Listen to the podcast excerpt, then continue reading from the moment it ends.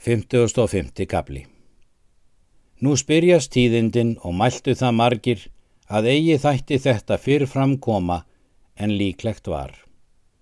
Gunnar reið til Bergþórskvóls og sagði njáli verk þessi. Njál mælti.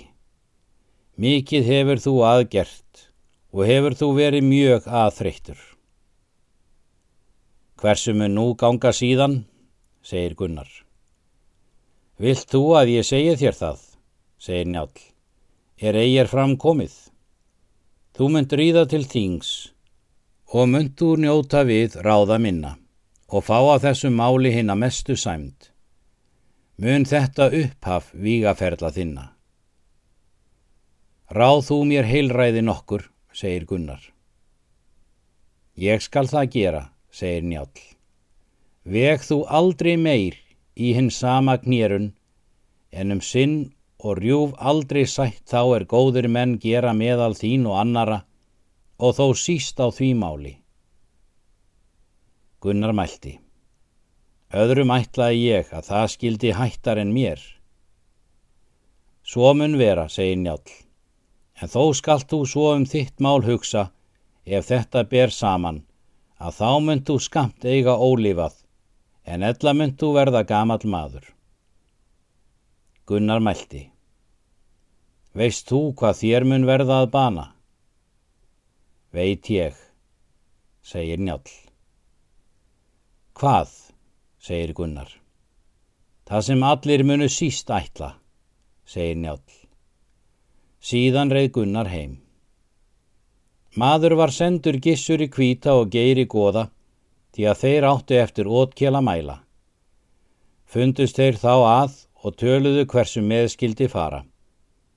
Kom það ásamt með þeim að sóttmundi mál til laga.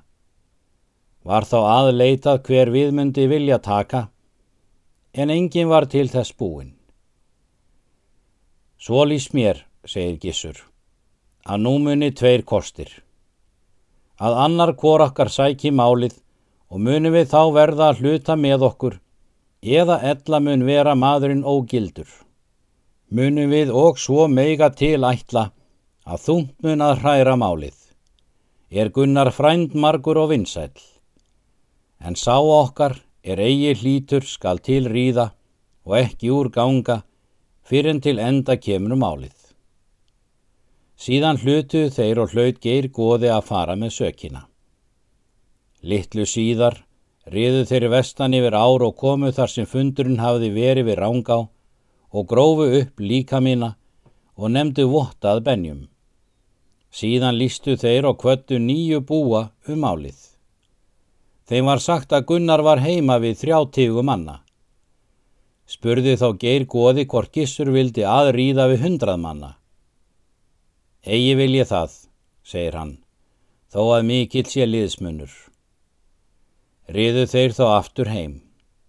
Mála tilbúnaður spurðust um öll héruð og var svo orðræða á að róstu mikið myndi verða þingið.